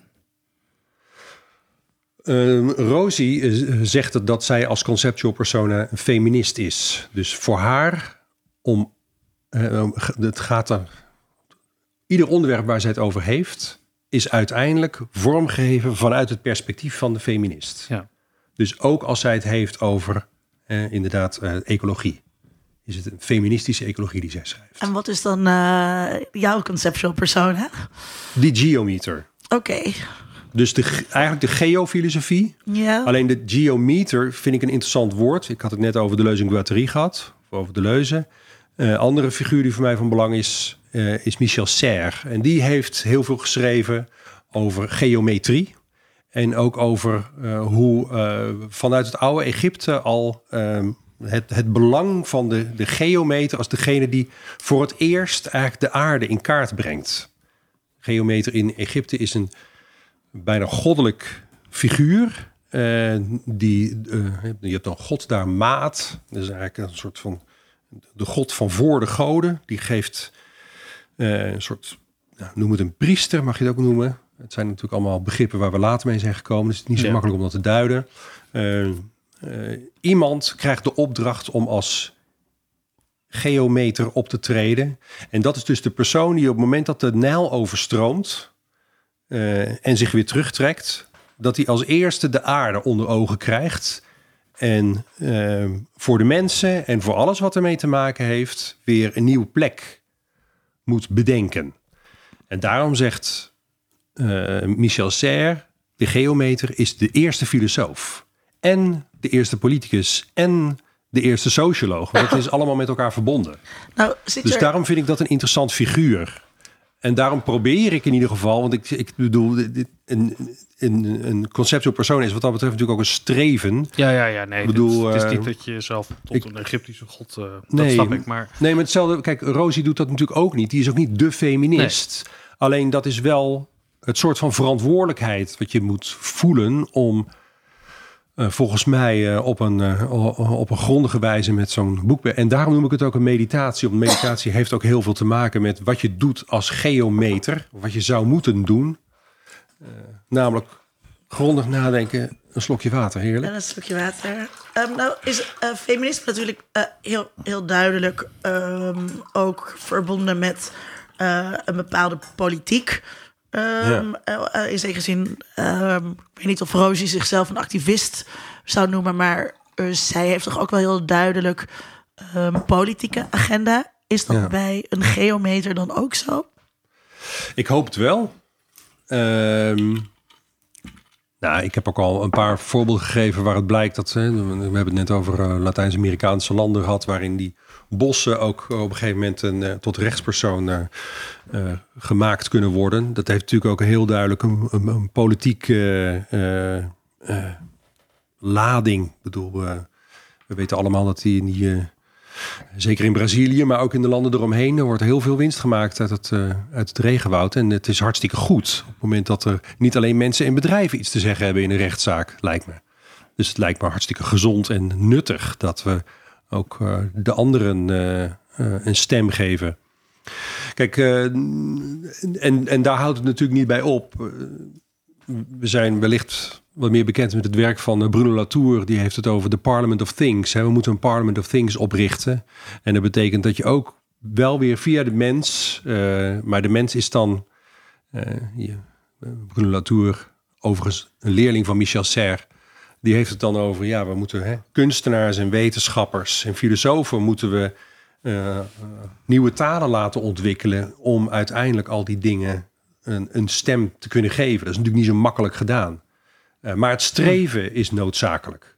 En eh hoeverre het lukt, dat, eh, dat moeten we nog maar zien. Maar het is wel noodzakelijk dat we in ons politieke bestel niet alleen naar mensen en bedrijven luisteren, maar ook proberen in ieder geval steeds beter oog te krijgen en oor te krijgen voor alle andere vormen van leven om ons heen. doet me toch ook ja, heel erg aan het, jaren zeventig credo, de verbeelding aan de macht denken. Dat op het moment dat je het kan denken, of je krijgt de taal aangereikt om iets te denken, dan wordt het een onderdeel van een, van een werkelijkheid. En dat is een werkelijkheid die dan ook eh, gematerialiseerd zou kunnen worden. Is, is dat hoe ik jouw rol ook moet zien? Dat je bijdraagt aan de verbeelding. En op het moment dat de verbeelding er is, dan is er in ieder geval de kans op een materialisatie daarvan. Om terug maar te komen weer op Amitav Ghosh. Eh, het is een boek wat eh, ik nu erg veel aanhaal, maar wat ook gewoon wel goed is. Eh, We zetten hem in de show notes. Ja. Ehm Gosh heeft het eigenlijk in het boek The Great Derangement heeft hij het erover dat niet alleen de industrie en de politici eh, over de hele wereld in de ban zijn geraakt van het modernisme slash het humanisme, maar ook vooral de schrijvers. Eh, vooral in de 20e eeuw zie je dat schrijvers, eh, hij is natuurlijk van zich, hij is zelf een schrijver, dus hij zegt van, ik, we moeten zelf ook het boetekleed aantrekken. Schrijvers hebben zich steeds meer alleen maar bekommerd om mensen. Je ziet dat dat in, eh, in de tijd daarvoor veel minder het geval was. Het speelde natuur een veel belangrijkere rol. Ja. Eh, we hoeven niet alleen maar naar de Duitse romantiek te kijken hoor, maar eigenlijk ja, in de middeleeuwen bij elke leak of zo. Hè? Ik zit even naar mijn eigen middel-Nederlandse boekjes te, te, te denken. Het is 19e heel eeuwse sublieme Ik, eh ehm. Ik las net eh, ehm, een anthology of cats. Eh, een boekje met allemaal ehm, verhalen over katten. Eh, en toen verbaasde ik me hoe weinig er is geschreven vanuit het perspectief van de kat. Precies, En, ja. eh, er zijn er echt maar een paar. Ursula Le Guin heeft, eh, heeft dat, heeft dat gedaan. Het is heel weinig. En eh, terwijl, ja, dat, Dat is ik, toch dat, ik niet wil zo, het Ja, maar dat is toch niet zo raar. Het, het- we lezen toch graag dingen vanuit perspectieven waar we ons op enige wijze toe kunnen verhouden. Maar iedereen die een kat heeft, wil eh, weten wat er in het hoofd van die kat omgaat. En een schrijver kan dat fantaseren. Of dat nou waar is of niet, Ja. dat, dat is niet zo relevant. Maar juist wel dat perspectief aannemen. Ja, het gebeurt dus ook maar heel weinig.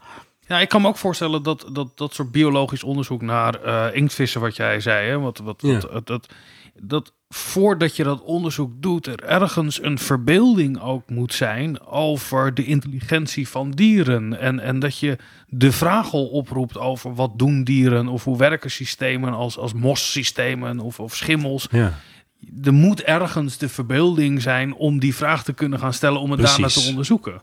En dat is dus heel lang heel erg moeilijk geweest, omdat wij in een soort, nou, ik noem het dan een Cartesiaanse soort, eh, soort eh, Cartesiaans idee verstrengeld zijn geraakt dat denken per definitie menselijk is. En dat denken per definitie, dat iedere vorm van denken eigenlijk terug te leiden moet zijn op het menselijk brein. En daar moeten we van af. En dat Ja. is, je geeft een paar voorbeeldjes. Het, het klinkt, ja, boeken over katten. Maar die, die zouden 50 jaar geleden ook helemaal niet geschreven kunnen worden. Wat staan 100 jaar geleden? Ja, Maar waarom is het eigenlijk? eh, Want we hebben benoemd dat het verruimt en het, het, het, het helpt het denken. Eh, Het, het, het, ik zie het meer als het zijn ingrediënten van het denken. Daar heb je de verbeelding eh, voor nodig. En die verbeelding kan niet alleen uit jezelf komen. Dat is het wat we met elkaar doen. Ja. Voordat iets betekenis kan hebben. Hoe kan dat bijdragen? Want je hebt een onderzoeksproject. Dat heet Onder andere, eh, ja. een van die onderzoekprojecten heet Imagine. Is, is het Noors of Deens of Scandinavisch in ieder geval? Is Eh, ja, het, nou, eh, het geld komt in ieder geval uit Noorwegen. Kijk, dat is fijn. Die hebben heel veel olie. Dus eh, dat, eh, daar zal het wel van betaald worden. Ja. Eh, Contested Futures of Sustainability. Hmm, Waar ja. gaat dat over? Je, je zegt het alsof je heel, een hele mooie titel vindt en dat je hem voor het eerst hoort. Maar, eh, Ja. Nee, dat is een hartstikke leuk project. Eh, omdat het ook ontzettend interdiscipli- interdisciplinair is. Het zijn ook mensen die bezig, zich bezighouden met design. Eh, overigens uit Eindhoven. Zelfs al Ja. zit er iemand bij. Eh, en ja, meerdere universiteiten vanuit Europa zijn daarbij betrokken. Wederom, Amitav Ghosh zit daar in de titel verwerkt overigens. Maar nu, nu is het echt de laatste keer dat ik hem noem. dit is, eh, ehm, nou ja. hè. Ik moet veel meer over Deleuze en Serre en Spinoza Ik hebben wil net zeggen, tien jaar geleden had je het alleen maar over de leuzen. Maar dat is even iets heel Ja. erg... eh, Ja, zo gaat zo'n gesprek Ja. dan. Hè? Maar ehm, nee, dat is een heel mooi voorbeeld van een project waarin je probeert eh, om eh, ehm, te laten zien dat er veel verschillende toekomsten zijn. En dat er ook veel verschillende toekomsten bedacht kunnen worden. En dat het aan ons ook de taak is om die als geesteswetenschappers, want dat vind ik eigenlijk nog steeds dus onze rol, om die scherper te krijgen. Eh, en waarom? Eh, nou, dan kom ik dan nu dan weer echt voor de laatste keer terug bij Amitav Ghosh. ja. Want die eh, schreef dus van inderdaad in de literatuur zie je dat er in de 20e eeuw ongelooflijk is ingezoomd op de mens en op het wel en wee van de mens. Ehm, en hij zegt de taak van ons schrijvers eh, is eh, zeker nu om dat uiteindelijk eens een keertje te doorbreken. Om weer romans te schrijven vanuit het perspectief van de kat, vanuit het perspectief van eh, het bos, noem maar op. om ons ook beter voor te kunnen stellen. ik word nu heel talig. Voor te kunnen stellen hoe de wereld anders kan. En wellicht ook Je zou wil het niet plat slaan, maar in, in, kijk, op het moment dat je niet een perspectief krijgt aangereikt, kan je er ook weinig empathie eh, bij voelen.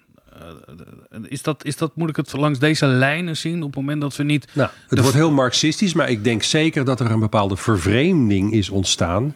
Uh, omdat wij ons alleen op de mens hebben gericht. En dat ja. wij geen idee hebben wat er buiten ons gebeurt en ook wat de effecten van ons handelen zijn. Maar daarmee geef je de rol van de, de kunsten, of in ieder geval de literatuur, wel een hele grote ja. uh, verantwoordelijkheid ook. En, en, ja. en ook dat de literatuur, ook in de 20e eeuw, die zoveel over mensen gaan, uh, dat dat een keuze is op een of andere manier. Het zou ook kunnen zijn dat we de literatuur krijgen die, die eigenlijk voortgestuurd wordt uit ons mensen dat is toch de, liter de, de, literatuur wordt geschreven door de mensen. En, en, op het moment dat het over de mensen gaat, of dat belangrijk is, dan is dat wat er leeft.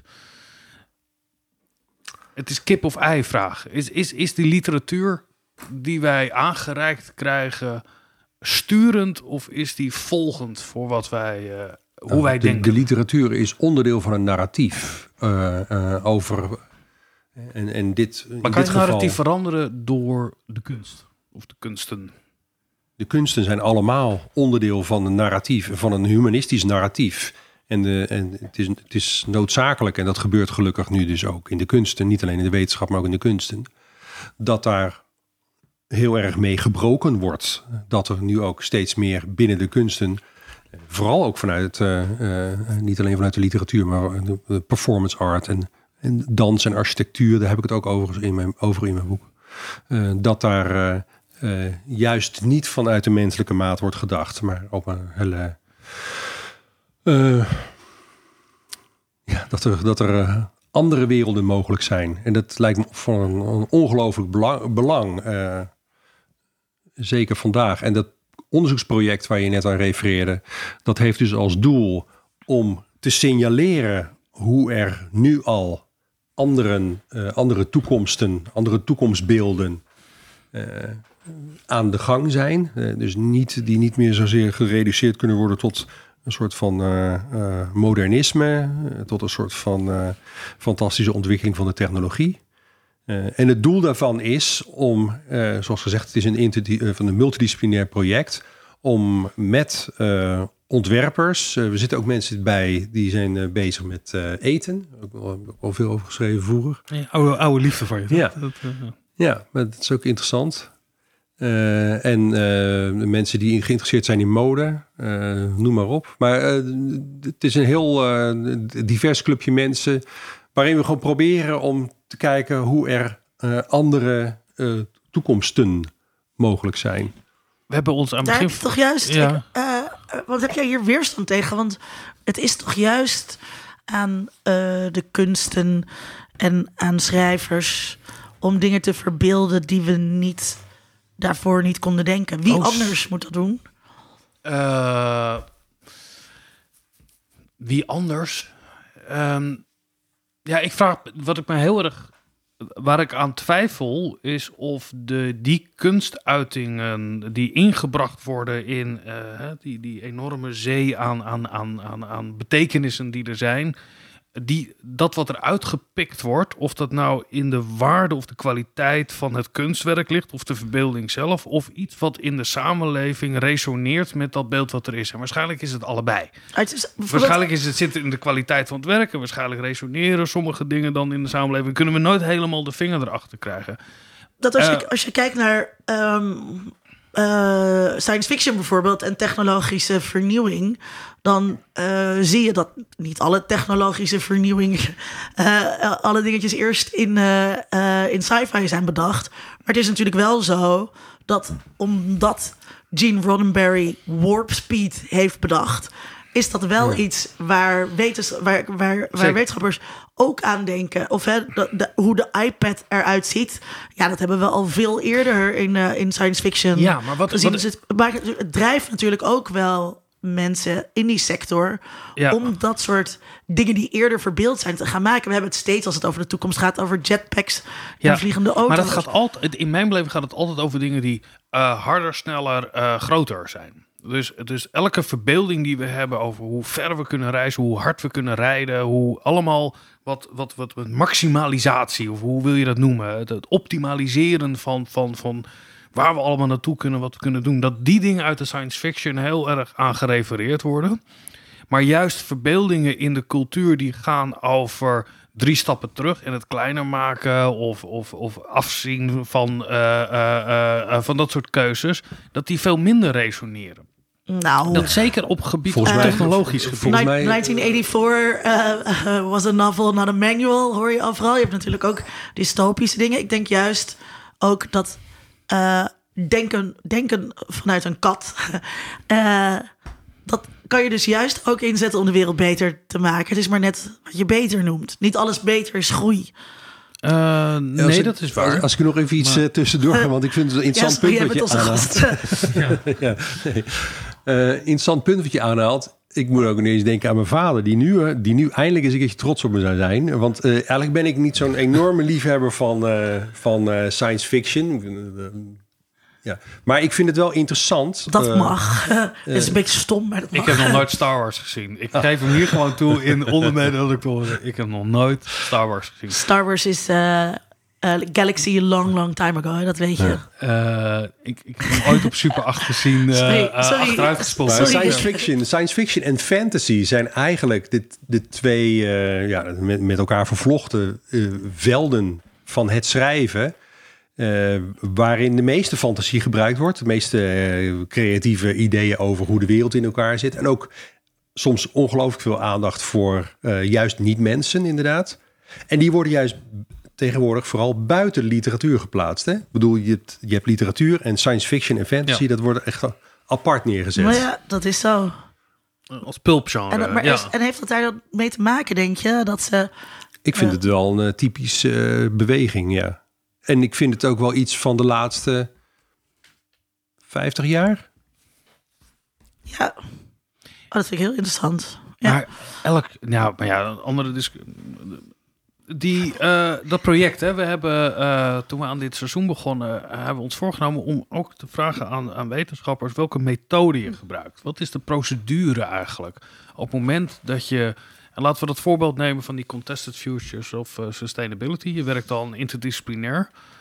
Maar hoe gaat het eigenlijk in zijn werk? Hoe, hoe doe je wetenschap op het moment dat dit je doelen zijn? Ja, mijn achtergrond is eh, filosofie en cultuurwetenschappen in de brede zin. Eh, dus dat betekent dat we voor een project als dit gaan we ook gewoon kijken naar 50 films en eh 50 eh, reclameuitingen. En, Maar hoe maak je een selectie dan? Hoe, hoe, wat is je Nou, corpusbepaling? Eh, Dat is het interessante. Je moet natuurlijk.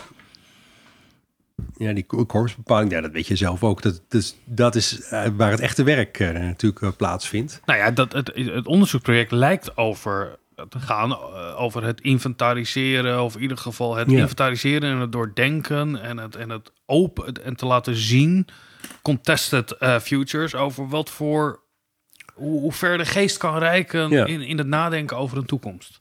Nou, wij hebben een vrij, vrij grote hoeveelheid eh, eh, boeken en literatuur en reclames en alles die we gaan bekijken of die we gaan analyseren. Zoals gezegd, 50 stuks, 50 films, 50 eh, reclames, 50 muziekstukken.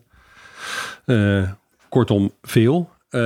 Maar het is natuurlijk een selectie. En die selectie heeft heel erg te maken met het idee van contested futures. Ofwel, je bent op zoek naar die, laten we het houden bij boeken voor het gemak.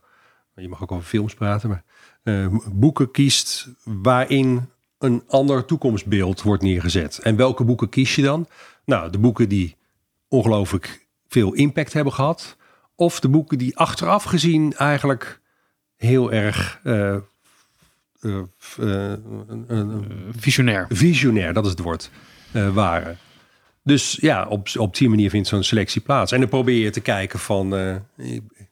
als we het hebben over eten, dan... eh, nu een voorbeeldje wat me, wat me een paar dagen geleden te binnen schoot.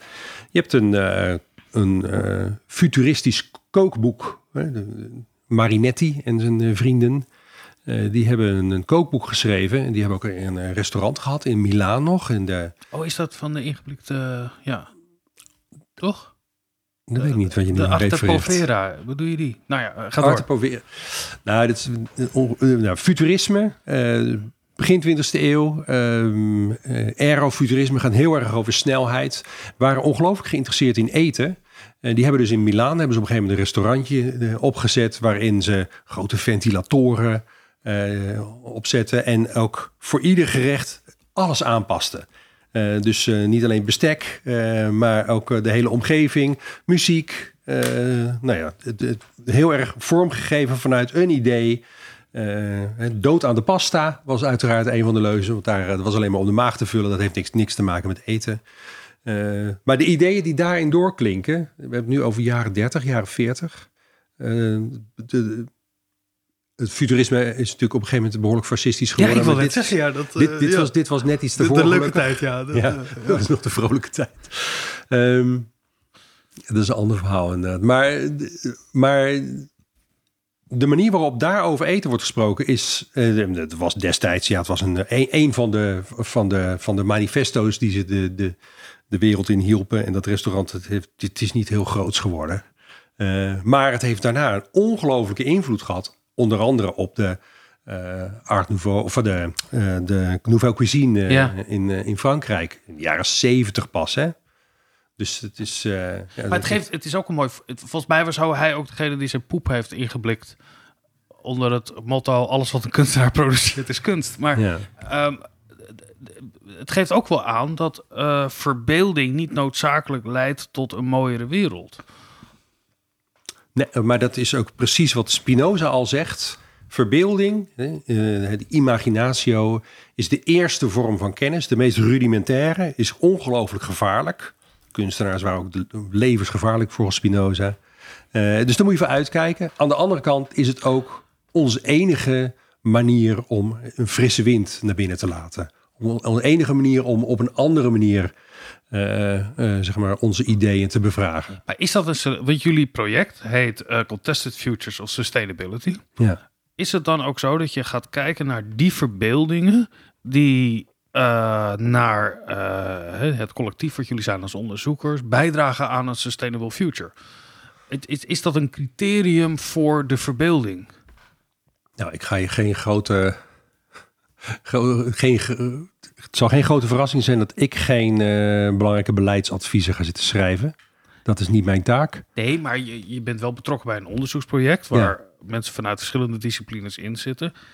Het, het, het, het, gaat mij erover dat je de opening die je creëert in het denken door de verbeelding. Ja. Als je daar onderzoek naar doet, dan, dan, dan is er een vorm van curatie en je, en je verspreidt dat weer. Dus je bent een kleine. Je beschreef eerder dat je ook als filosoof, geesteswetenschapper een schakel bent daarin. Is het dan ook zo dat je selectief moet zijn in welke verbeelding je eigenlijk naar voren brengt? Als geesteswetenschapper, als filosoof? Dat is een moeilijke vraag, Vincent. Uh, want ik vind niet dat je als filosoof of politicus moet zijn. Uh, een soort activisme vind ik wel interessant, maar niet, uh, de, niet in de stoel van de politicus gaan zitten. Daarom vind ik zelf ook beleidsnotulen en zo niet, beschouw ik niet tot mijn kerntaken. nee, maar... Maar ik vind wel Um, maar je spreekt je in je boek heel erg uit over uh, tegen klimaatverandering. Het lijkt me ook heel moeilijk om te zeggen, ik ben voor klimaatverandering. Maar je, je, je, je, gaf eerder aan dat je wel een verantwoordelijkheid daarvoor voelt. Om daar op een positieve manier ja. bij te dragen. Je zit ook in een project dat gaat over uh, sustainability. Dus je, je zit wel in een politiek project. Ja, ik weet niet. Ik heb overigens in, in, in mijn boek zeg ik niet van uh, ik ben tegen klimaatverandering of zo hoor. Dat is, uh, dat is wel anders geschreven. Maar uh, ja, uiteraard, uiteraard, probeer ik wel, en uh, vind ik het ook belangrijk, daar heb ik het de hele tijd over, een soort verantwoordelijkheid te nemen. Maar die verantwoordelijkheid betekent niet dat we met dit project of dat ik in mijn eigen werk, zeg maar, met een handboek voor, voor de nieuwe wereld kom. Maar wat is, is dan wel de. Dat mogen andere mensen Want doen. Ik kan het niet helemaal rijmen met wat je eerder zei. Dat je zegt, we hebben de verbeeldingen nodig om andere toekomsten uh, te Ja. kunnen zien. Daar wil ik aan bijdragen aan die verbeeldingen. Zowel in het categ- eh, categoriseren als in, in de verbeelding zelf bijdragen. Maar je zegt nu ook, ja, maar ik ben geen politicus en ik draag, eh, het is niet mijn verantwoordelijkheid. om- Maar er zitten toch heel veel schakels tussen. Ja, nee, ik, probeer het, ik, ik probeer het scherp te krijgen. Dat het is, het is. Ja, maar dan lijkt het net alsof je ook een hele een enge definitie van politiek, al eng als in nauw, hanteert. ehm, waarin politiek gereduceerd is tot eh, invloed op beleidsmakers. Want bedoel, het is natuurlijk uiteindelijk in, in een democratie ook aan de burgers om die invloed. Ja, als Eh, ja, als te- te laten gelden. Dus dan- dan- ik zeg niet dat het een, een natuurlijk, maar eh, ik, ik, als je zegt je bent niet politiek, dat vind ik iets anders. Eh, het- het- het- ik vind dat je wel degelijk in een politiek programma eh, onderdeel uitmaakt, wij allemaal. En, en, en dat doe ik ook met liefde. eh, maar het idee over hoe gaan we de wereld redden, hoe gaan we aan bijdragen aan een duurzamere toekomst, hoe kunnen we anders nadenken over de rol van de mens in de wereld, dat draagt allemaal bij ook eh, in, in, in, in brede zin, dus niet in, in enge zin, in, in een politiek denken, in een verschuiving van machtsverhoudingen bijvoorbeeld. De verschuiving vind ik interessant. En daar, daar, daar voel ik me verantwoordelijk voor. En dan hoop ik dat het op de goede manier verschuift natuurlijk. Maar eh, in principe, ja, het, ik denk dat eh, vanuit filosofie het grote belang is toch vooral dat je probeert om eh, iets eh, open te breken en om eh, frisse lucht naar binnen te laten.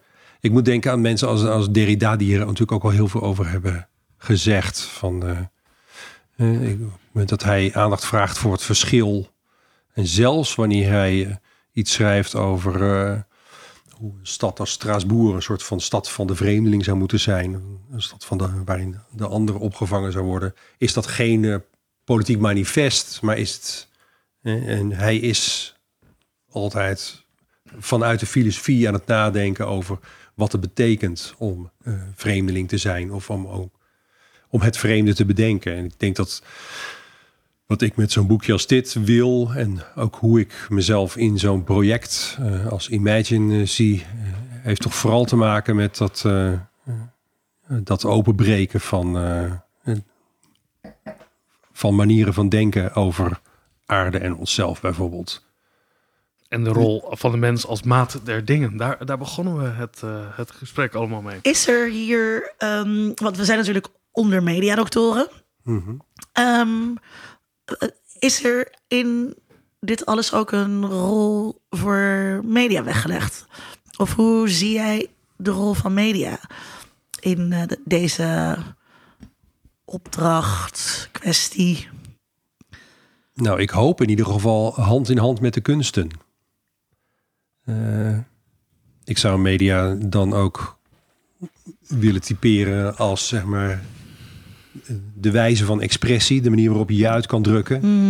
En dus alle verhalen die ik tot nu toe heb gehouden over eh, schrijvers en eh, nou ja, wat heb ik er nog meer over gehad? Wat performance kunstenaars.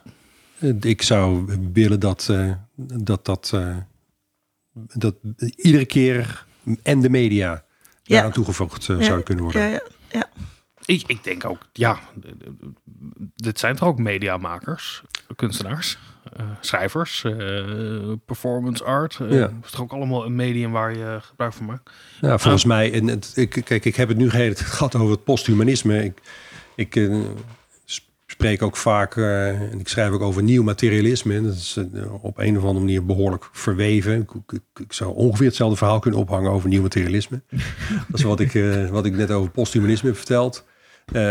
Maar dat wordt binnen de kunsten ook heel erg omarmd als zijnde hè, zoeken naar nieuwe materialen, zoeken naar nieuwe manieren van jezelf uitdrukken. En in principe heeft dat natuurlijk ook met verbeelding te maken, met de manier waarop je vorm geeft aan je gedachten en wanneer je op zoek bent eh, naar een andere vorm of naar een andere manier van vormgeven.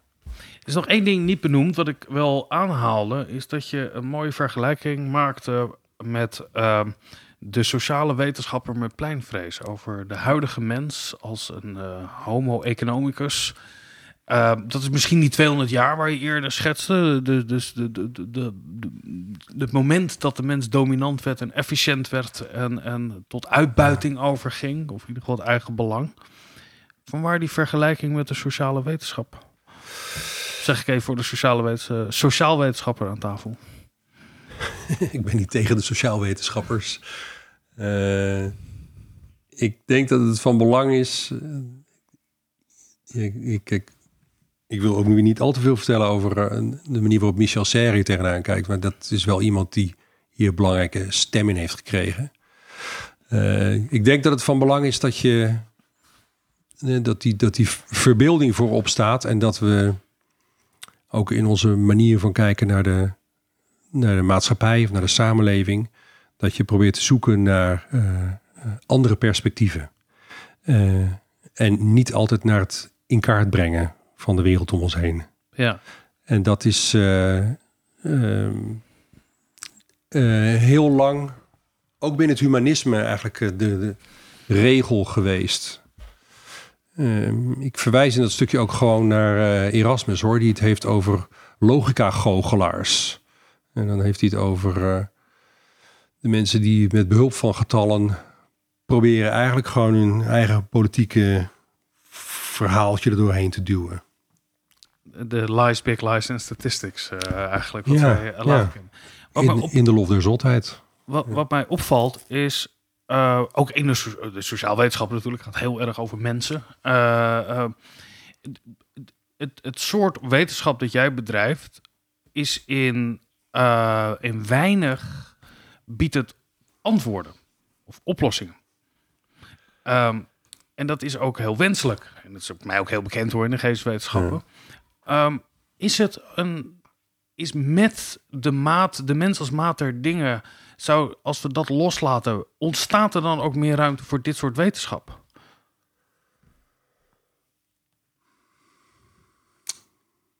Ja, ook weer oplossingen, oplossingen. Ja, want oplossingen, het, het soort wetenschap dat uh, een doorbraak heeft in de geneeskunde, dat kennen we. Uh, een doorbraak in de, misschien in de sociaal wetenschappen, dat we zeggen, nou, hier gaan mensen worden heel ongelukkig van, of juist heel gelukkig. Maar dat is altijd gericht op bepaalde vorm van optimalisatie. Van dat we het beter krijgen als mens. Dat vinden wij in alle wetenschapsagenda's. Als je de vragen bekijkt, zou je kunnen samenvatten met als we een antwoord hierop weten, dan krijgen wij het beter. Uh, Precies. Chargeer ik even.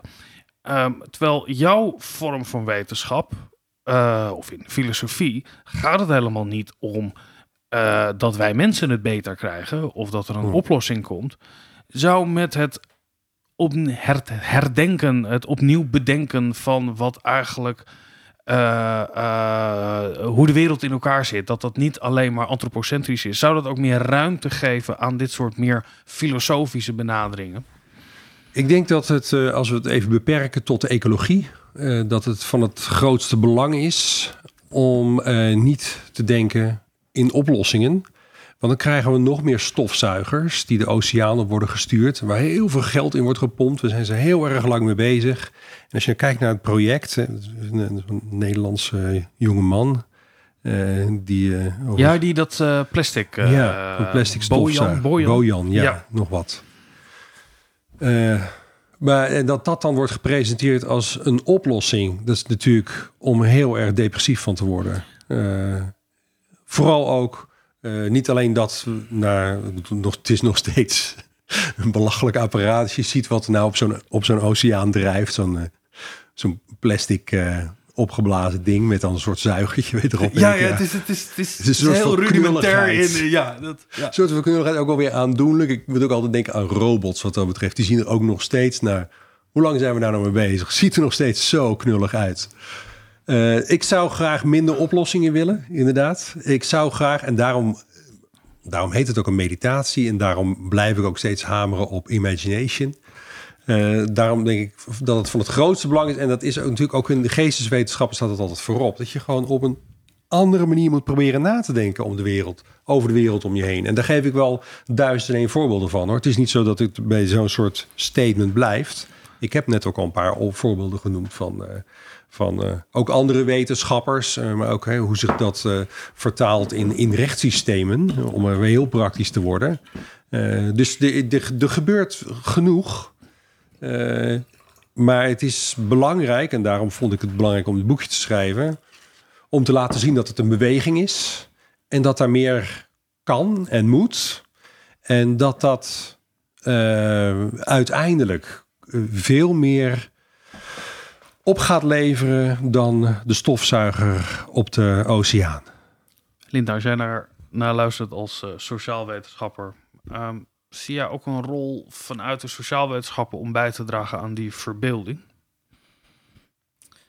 Ehm, nou, uh, niet, niet op die manier, omdat. Uh, maar misschien, kijk, sociale wetenschap gaat, gaat over wat, wat mensen uh, doen. En daarbinnen kan je natuurlijk heel goed kijken naar um, hoe die verbeelding gaat.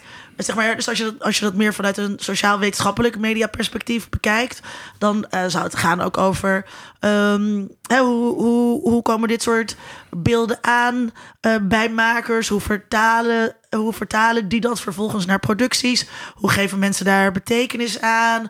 Of je kan kijken naar um, laten activisten zich hierdoor inspireren. de antropologie heeft hier natuurlijk ook van alles over te zeggen. Maar het, het, dat conceptualiseren, waar Rick het heel erg over heeft, of dat deconstrueren van, van dat soort dingen, dat is wel echt een geesteswetenschappelijke aangelegenheid. Ja. Ja, de sociaal wetenschappen zijn veel reactiever daarin. Hè? Als, als bepaalde fenomenen zich, zich aandienen, dan is het uh, onderwerp van onderzoek. Maar het is niet uh, op, op aarde om bepaalde een fenomeen, fenomenen... Een fenomeen in... dat in de sociale werkelijkheid nog niet bestaat. Ja zal niet snel door een sociaal wetenschapper onderzocht worden. Ja. Nou, als ik dan uh, daar een klein kanttekening hierbij kan maken. Want ik had net, uh, uh, haalde ik al antropologen aan die het hadden over het, het denken volgens een bos. Dat, zijn, dat is wel echt iets wat in de antropologie, dat is ook misschien logischer. Hè, ja, maar het, hebt de antropologie over... ligt natuurlijk wel een beetje in, in ja. het snijvlak van de geestwetenschap. Ja, maar wel interessant. Ja. Ja, maar, ook, maar, het lijkt me ook juist omdat er allerlei culturen zijn waarin er uh, geen humanistisch wereldbeeld ja. is. En dan moet je juist bij de antropoloog zijn. Maar misschien kan je ook wel uh, tegenwoordig in de sociale wetenschappen en ook in de kunsten is er ongelooflijk veel aandacht voor de common.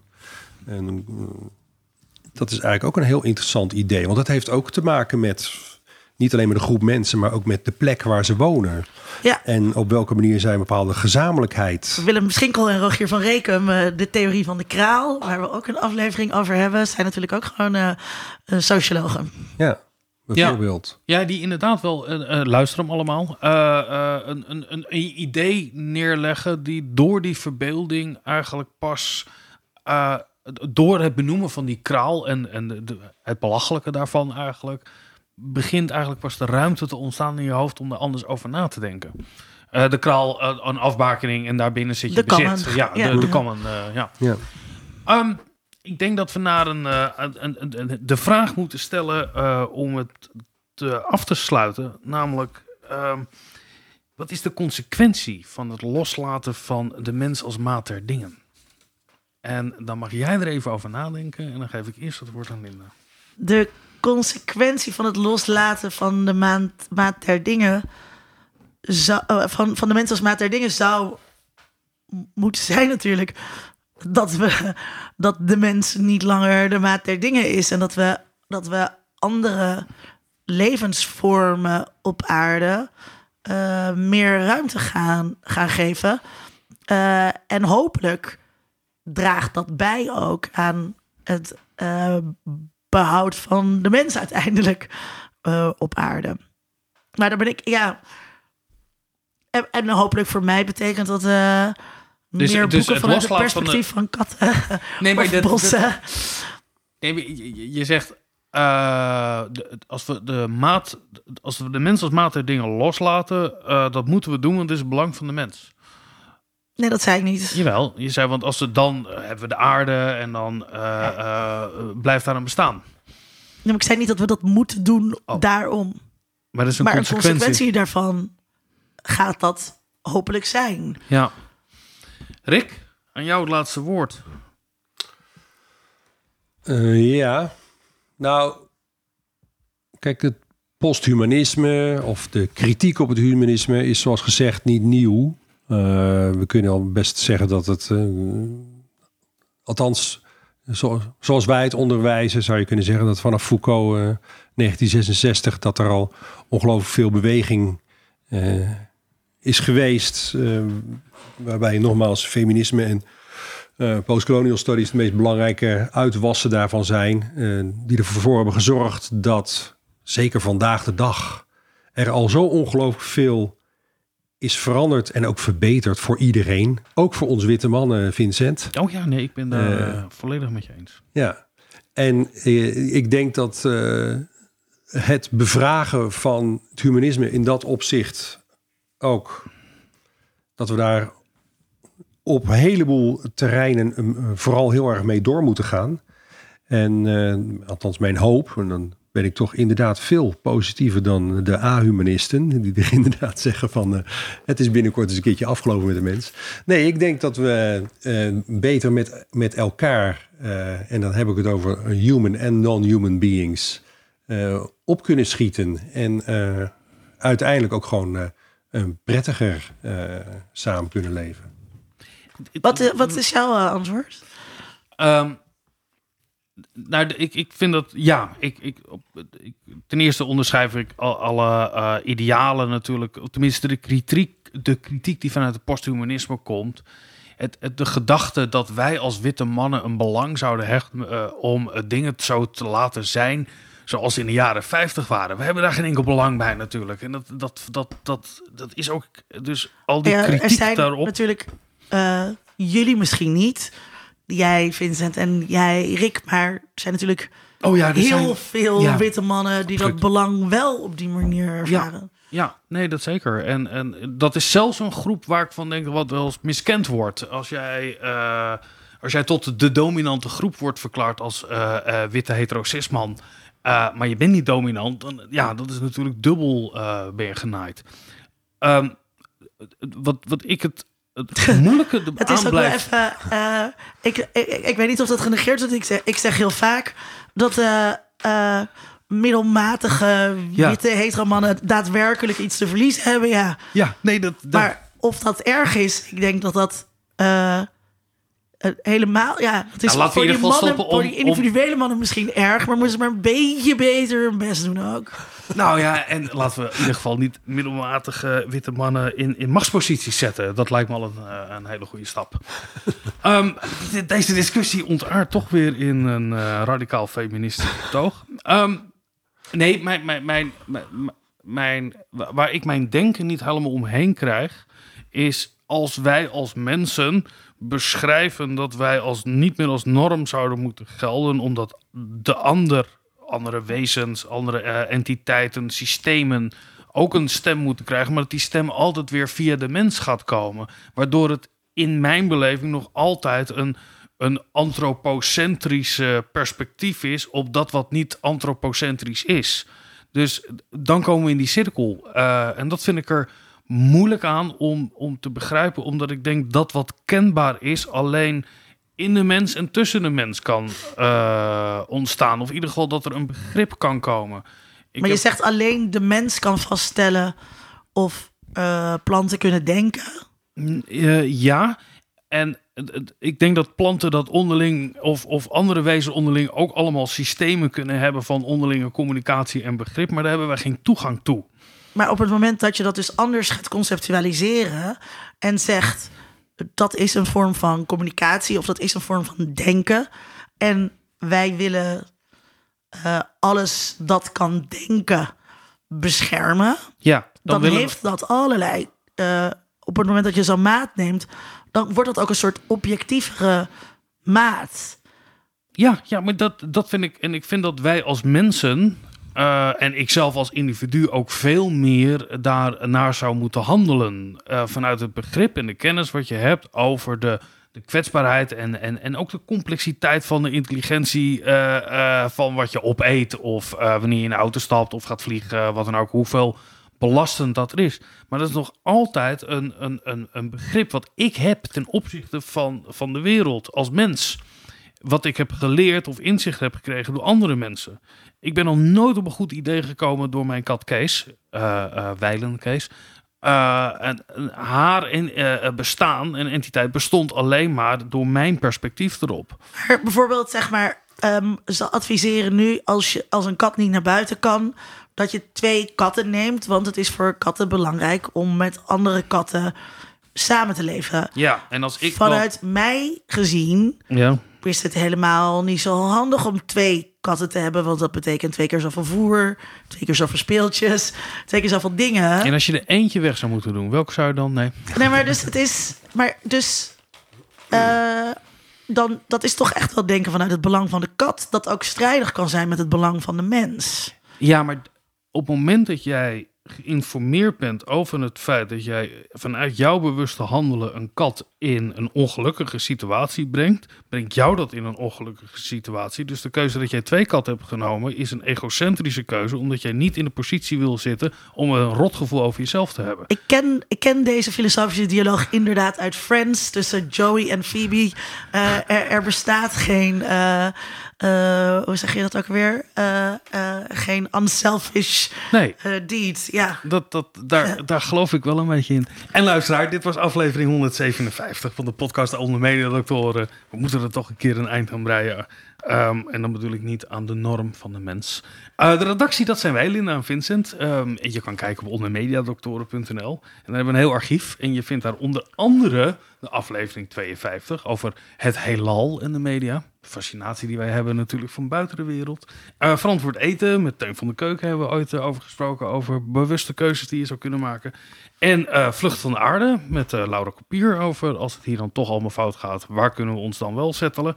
Schijnbaar moet je daar heel veel rijk voor zijn. En uh, onlangs nog, aflevering 154 over gedragsveranderingen. Ging ook veel over sustainability. Deze podcast is gratis, maar podcast maken kost moet even Maarten, de aflevering met Maarten noemen over... Maarten, ja, ik weet, die, uh, die staat in de show notes, staat de aflevering uh, met Maarten Lezing. ik... Uh, deze aflevering is gratis, uh, maar uh, wij vinden het heel fijn als je ons geld geeft. En dat kan op allemaal verschillende manieren. En je vindt het allemaal op de website. zoals Matthijs van Listonk. Matthijs, heel erg bedankt alweer. Um, maar je kan ons ook steunen door tegen mensen te zeggen... weet je wat je moet luisteren? Onder Media Doctoren met Rick Fijn. Want dat was hartstikke interessant. Over twee weken zijn we er weer. Tot dan. Tot dan. Onder Mediadoktoren is een podcast van Vincent Kronen en Linda Duits. Meer informatie vindt u op ondermediadoktoren.nl.